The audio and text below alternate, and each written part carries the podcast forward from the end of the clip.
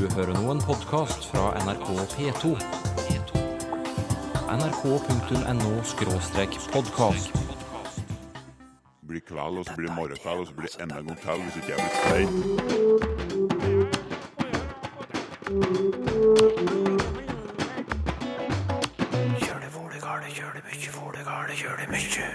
Å være tospråklig gir fordeler for personer med demens. Deres hjerner ser litt annerledes ut enn hos enspråklige.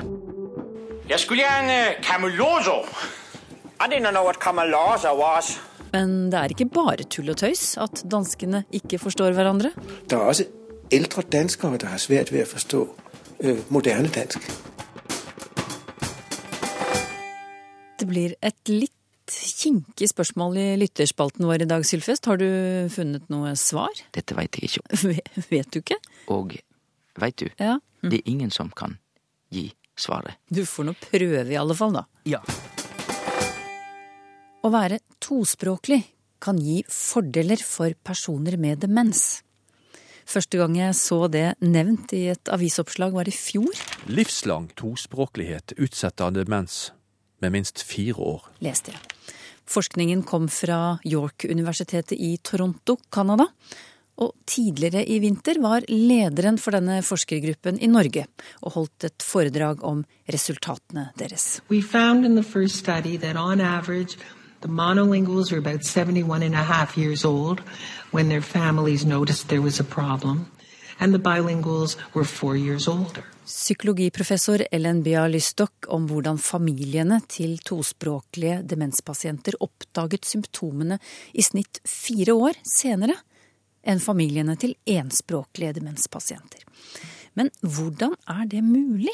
Ja, Det er jo det store spørsmålet, ikke sant? sier språkprofessor Hanne Gram Simonsen ved Multiling, Senter for flerspråklighet ved Universitetet i Oslo. Jeg har bedt henne og kollegaen Inger Moen om å forklare hvordan tospråklighet kan påvirke demens. Eller rettere sagt symptomene på demens. De symptomene som man ø, observerer aller først når en person blir dement, det er hukommelsessvikt, og særlig korttidshukommelsen. Og man har også ofte vanskelig for å orientere seg i omgivelsene, vanskelig for å, å finne frem hvor er spisestuen nå da, egentlig? Det rammer også språket, forteller Inger Moen. Alle kan glemme ord når de blir gamle, men personer med demens gjør det i mye større grad. Og så kan det også være, når man snakker med en person, at man eh, svarer med noe som ikke har noe med spørsmålet eller med det temaet man snakker om. Man, eh, jeg vil si det, det man sier er irrelevant. Man snakker på siden av samtalen. Det er altså slike symptomer som blir utsatt hos tospråklige med demens. Det viser både forskningen til canadiske Ellen Bialystok, som jeg nevnte i sted, og annen internasjonal forskning. Tospråklige med demens har altså sykdommen, men symptomene kommer til syne i snitt fire år senere hos dem, sammenlignet med enspråklige demente. Hvorfor? Det mange studier peker på, og som Ellen Bialystok da spesielt har pekt på, er det at det som tydelig skiller tospråklige fra enspråklige, det er at de har spesielt godt utviklede eksekutivfunksjoner. Det er jo et grusomt ord. Ja, hva er det? Eh, Men det er generelle kognitive evner. Det gjelder altså ikke bare språk. Og det går på sånn som å kunne skille relevant informasjon fra irrelevant informasjon. informasjon. Og ha en selektiv oppmerksomhet. For eksempel hvis du står på togstasjonen og skal eh, nå et tog, så er det viktig at du hører på den stemmen som kommer i eh, høyttaleren, og at du klarer å konsentrere deg om det, og ikke om den samtalen som er veldig interessant, som noen medpassasjerer har ved siden av deg. Ja. For da kan du miste toget. Ja. Dette er selektiv oppmerksomhet. Så kan det være å undertrykke en automatisk respons. Hvis en diabetiker ser en sjokoladekake og har veldig lyst på den, men allikevel klarer å undertrykke den. Det er å undertrykke en, en ellers automatisk respons. Og det å være fleksibel og kunne skifte perspektiv. Alt dette er egenskaper som hører til eksekutivfunksjonene. Ja. Og dette ser altså ut til at det er det som spesielt er eh, styrket hos tospråklige. I den tospråklige hjernen er begge språkene aktive hele tiden. Det betyr at når du snakker det ene språket, er det andre virksomt, og vil gjerne slippe til det også, men kontrollfunksjonen, eller eksekutivfunksjonen i hjernen, gjør at det språket du ikke ønsker å bruke der og da, blir holdt tilbake, slik at språkene ikke blander seg. Evnen til å undertrykke det som ikke er relevant i eh, situasjonen, det er, det eh, er hjernen til en tospråklig flinkere til enn hjernen til en enspråklig. Ja, Det er den vekslingen mellom språk og undertrykking av det irrelevante språket som blir trent opp gjennom å være tospråklig. Ja.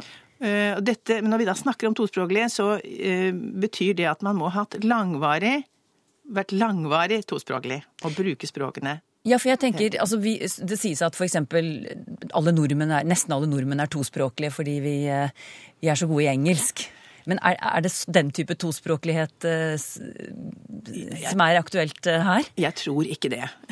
Dessverre, det hadde vært veldig fint. Jeg tror ikke det. Det dreier seg om at man gjennom hele livet er nødt til å veksle mellom to språk. Og avgjøre når skal man bruke det ene språket, når skal man bruke det andre språket. I Mm. forhold til situasjon og, og person. Og hos dem som behersker to språk på denne måten, vil hjernen se annerledes ut enn hos enspråklige. Forsøk fra bl.a. York-universitetet i Toronto viser at noen områder i hjernen hos tospråklige er større. Det vi kan si, og det har vi nå faktisk måter å undersøke det på, det er at det er enkelte områder hvor det er mer aktivitet, altså mer blodgjennomstrømming f.eks. Og det er sånn som man kan måle nå. Og der kan man se at akkurat i de områdene hvor, som er viktige for eksekutivfunksjonen, der er det mer liv og røre i hjernen til en tospråklig person enn til en enspråklig person. Og det som er interessant, det er at dette gjelder gjennom hele livet, faktisk også for ganske små barn. Og oppover i ungdomstiden og voksen alder, og altså inn i gamle år, hvor demens kan komme. For det er jo hovedsakelig gamle mennesker som får demens.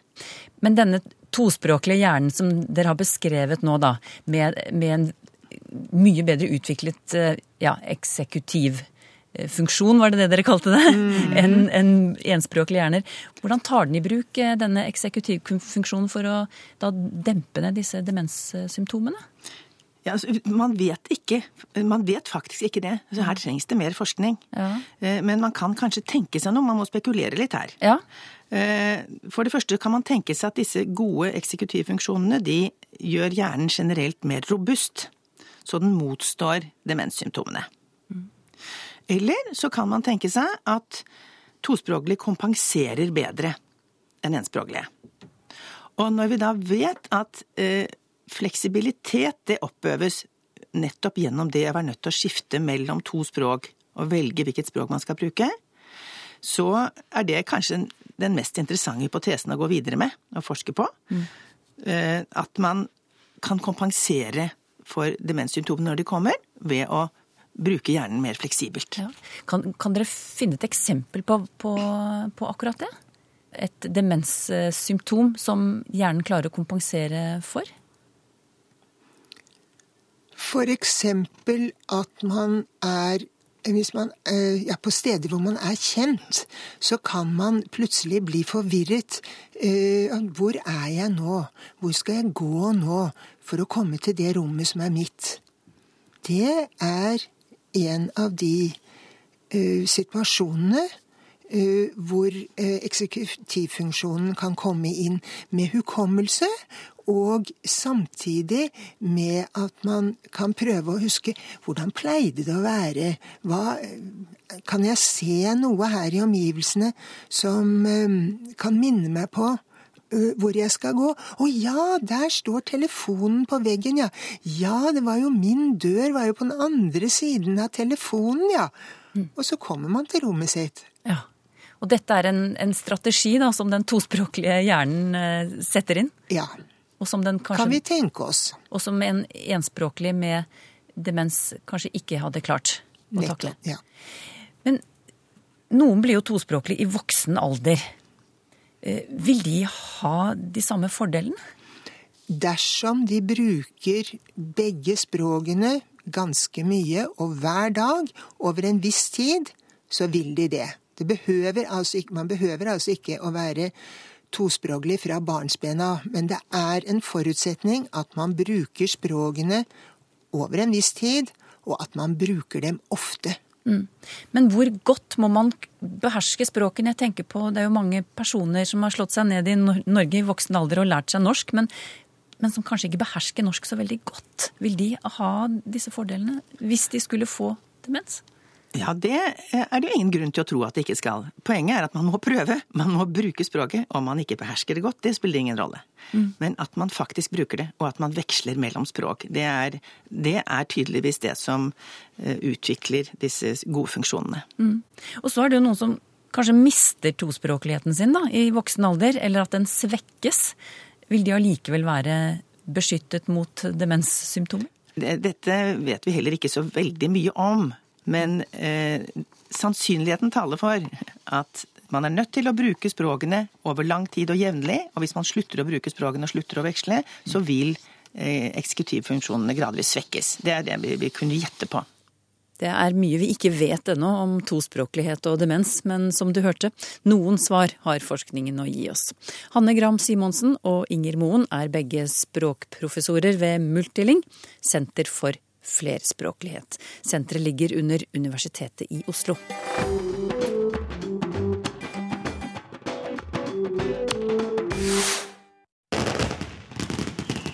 Ved årsskiftet er det alltid mye snakk om forsetter. Så hvordan er det? Har du et nyttårsforsett for språkbruken din? Jeg stilte spørsmålet på Facebook og Twitter. Her er noen av løftene som lytterne gir seg selv. Jeg skal banne sjeldnere, bare når det er strengt nødvendig. Jeg skal ta mer vare på dialekta mi. Jeg skal bruke mer nynorsk på nettet. Jeg skal bli enda mer nøye på bruken av da og når. Og så håper jeg at nyhetsoppleseren i radio og fjernsyn følger opp. Jeg skal prøve å ikke la feilaktig i forhold til ødelegge livet mitt. Jeg skal moderere bruken av i forhold til. Jeg skal aldri stille spørsmålet 'hva tenker du om'? Hvis alle husker på at spørsmål stilles og ikke spørres, så blir det et bra år. Jeg vil slutte med uvanen og til stadighet være språkpoliti. Vil følge med på nye ord som ungdommen eller som guttene mine bruker. Jeg skal slutte å tenke så mye, og heller begynne å synes og mene og å tru. Jeg skal slutte å irritere meg og ta av meg språkpolitiuniformen. Trur jeg. Jeg skal prøve å slutte å rette på folk, men det blir neimen ikke lett. Så til et av nabospråkene våre. You know, uh, Danish language has always been impossible to understand for most Scandinavians. But the reason, yes, it has been impossible to understand for us in Denmark too.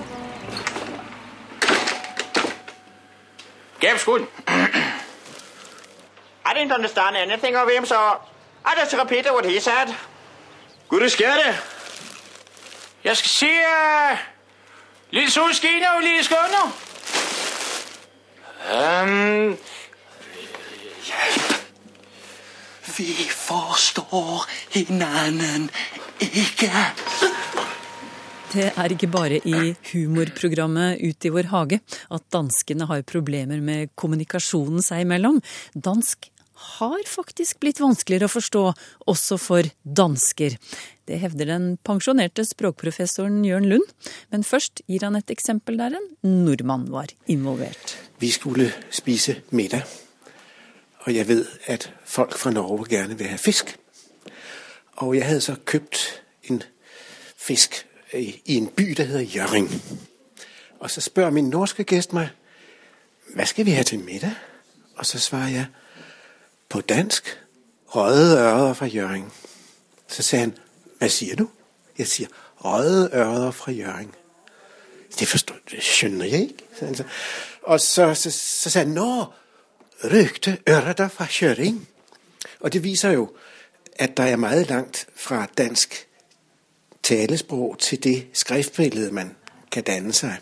Nei, røkte ørreter fra Gjøring høres annerledes ut enn de skrives. Allikevel er det det vi ofte gjør når noen snakker til oss på svensk eller dansk. Vi prøver å se for oss et skriftbilde av det ordet vi hørte, sier Jørn Lund. Uh, og det er meget svært å gå fra dansk tale til dansk skrift, fordi dansk har utviklet seg meget, meget hurtigt uh, gjennom hele 1900-tallet og stadig vekk. Sånn at man kan aldersbestemme danskere med fem til ti års sikkerhet, fordi uttalen varierer så mye. Tenk det, at det går an å aldersbestemme dansker med fem til ti års sikkerhet bare på grunnlag av uttalen deres. Så mye har dansk forandret seg. Og derfor var det også enklere for nordmenn å forstå dansk før. Ja, det er det overhodet ingen tvil om. De to språk var mye tettere på hverandre. Der finnes opptakelser opptagelser fra for 100 år siden med både norske og danske.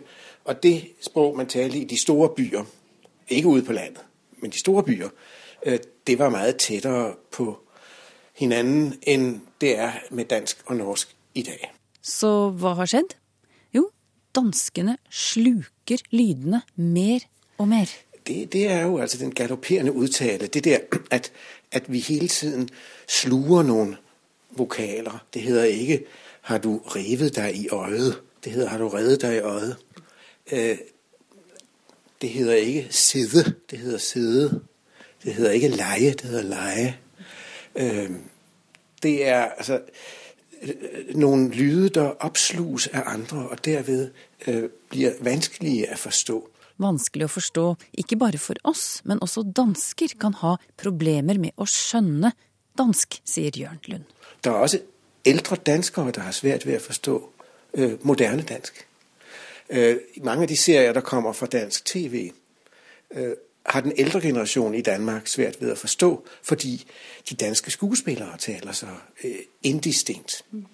I Norge tekster man det, så nordmenn forstår sagtens Mads Mikkelsen, men eldre danskere har problemer med det. Men hvordan er det med nordmenn og dansk? Altså, hva forteller undersøkelser oss om hvor godt eller dårlig nordmenn forstår dansk? De forteller at nordmenn er gode til å lese dansk, og i noen grad er gode til å forstå talt dansk. Norge er at Danmark, Norge og Sverige er best stille. I er best til å forstå nabospråk, fordi I er vant til å høre mange slags norsk hver dag. Og derved har øret bevaret sin plastisitet hvorimod vi i Danmark har et meget standardiseret språk, og dialekterne er nesten vekk. Og det har altså givet en mindre spenstighet i forståelsen av andre språk. Så takket være den utbredte dialektbruken i Norge, er det vi som forstår danskene best, mener språkprofessor Jørn Lund. Nytt år og nye lytterspørsmål, Sylfus Lomheim. På Twitter f.eks. spør Synne om uttrykket 'lure opp i stry'. Hva er stry? Ja, uttrykket betyr jo å bli lurt, altså bli ført bak lyset. Men ordet stry er et gammelt ord for plantetrevler, for eksempel lin og hamp som vi lager tau av, eller rett og slett tøy av. Så det er plantetrevler det er snakk om. Får du de rett framfor ansiktet, så ser du jo veldig dårlig, altså det blir vanskelig å orientere seg, du blir lurt. Når det gjelder et annet fast uttrykk, å kaste blår i øynene på noen på bokmål, så er det samme mening, da blir du lurt.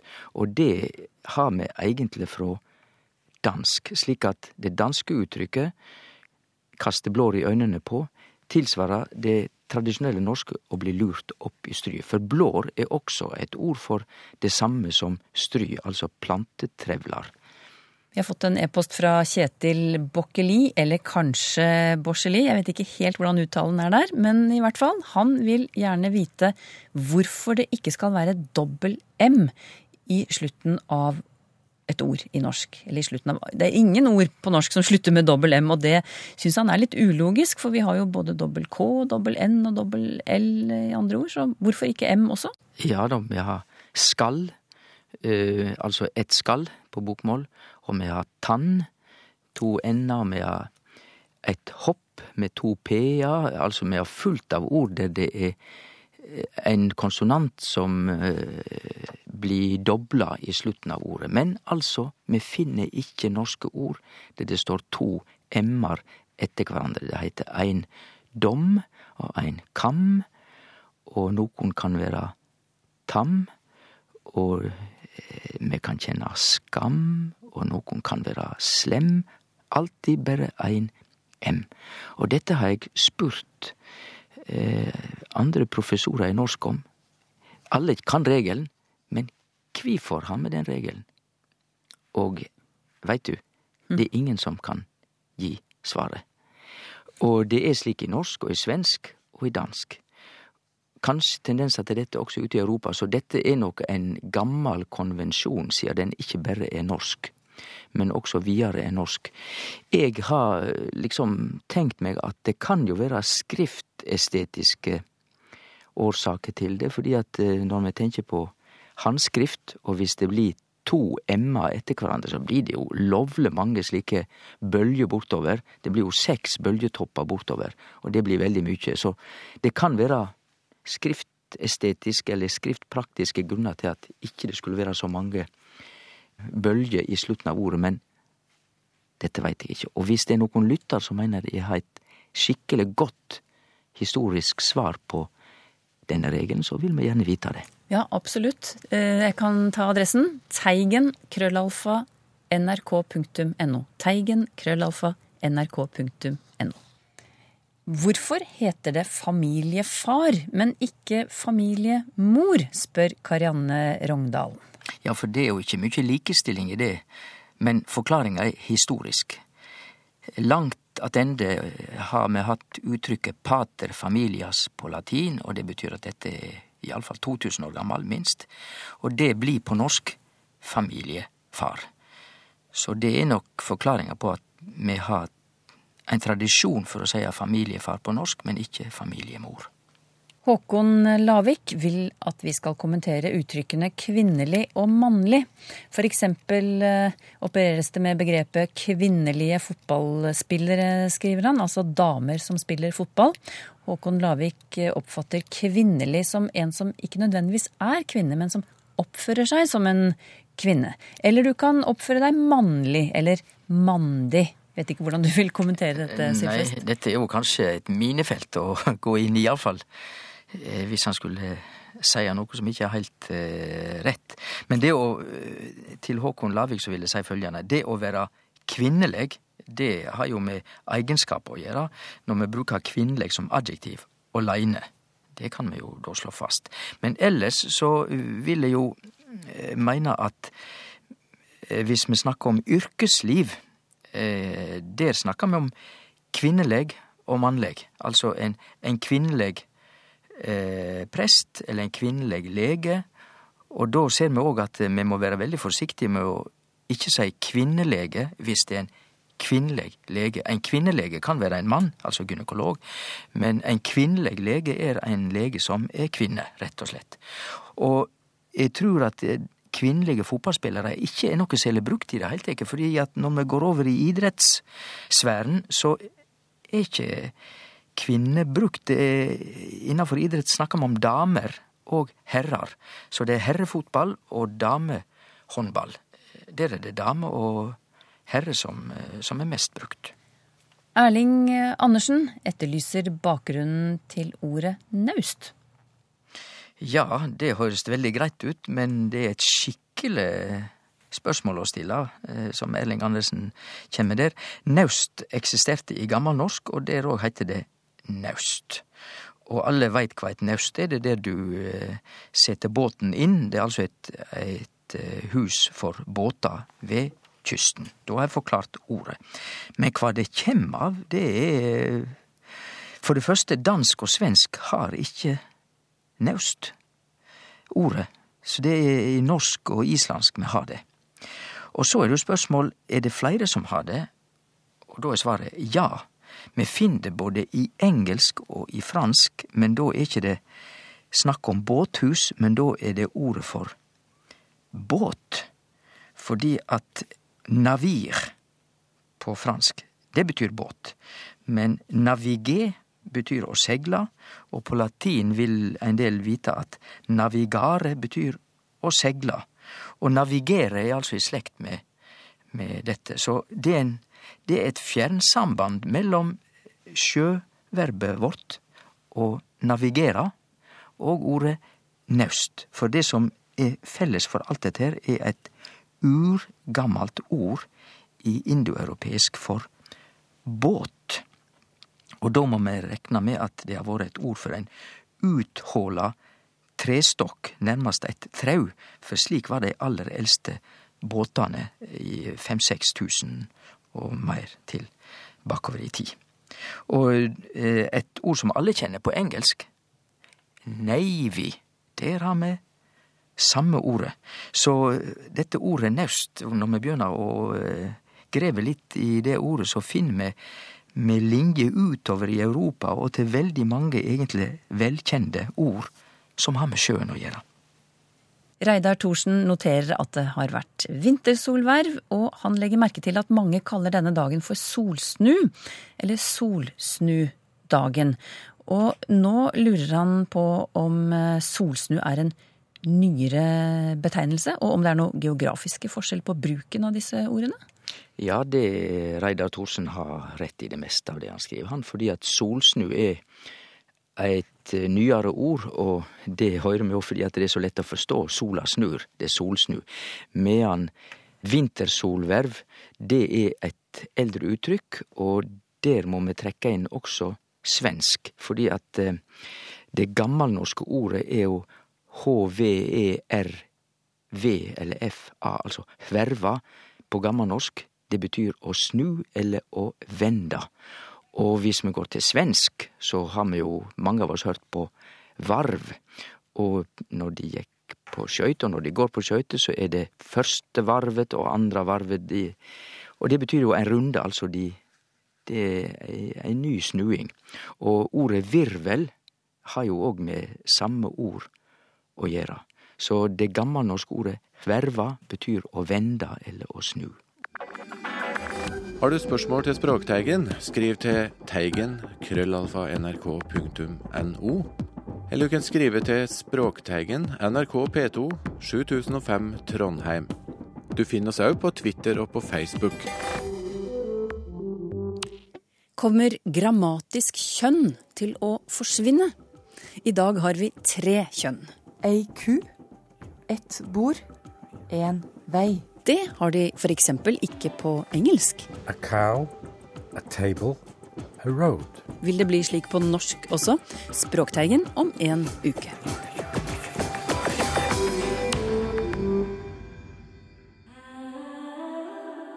nrk.no podkast.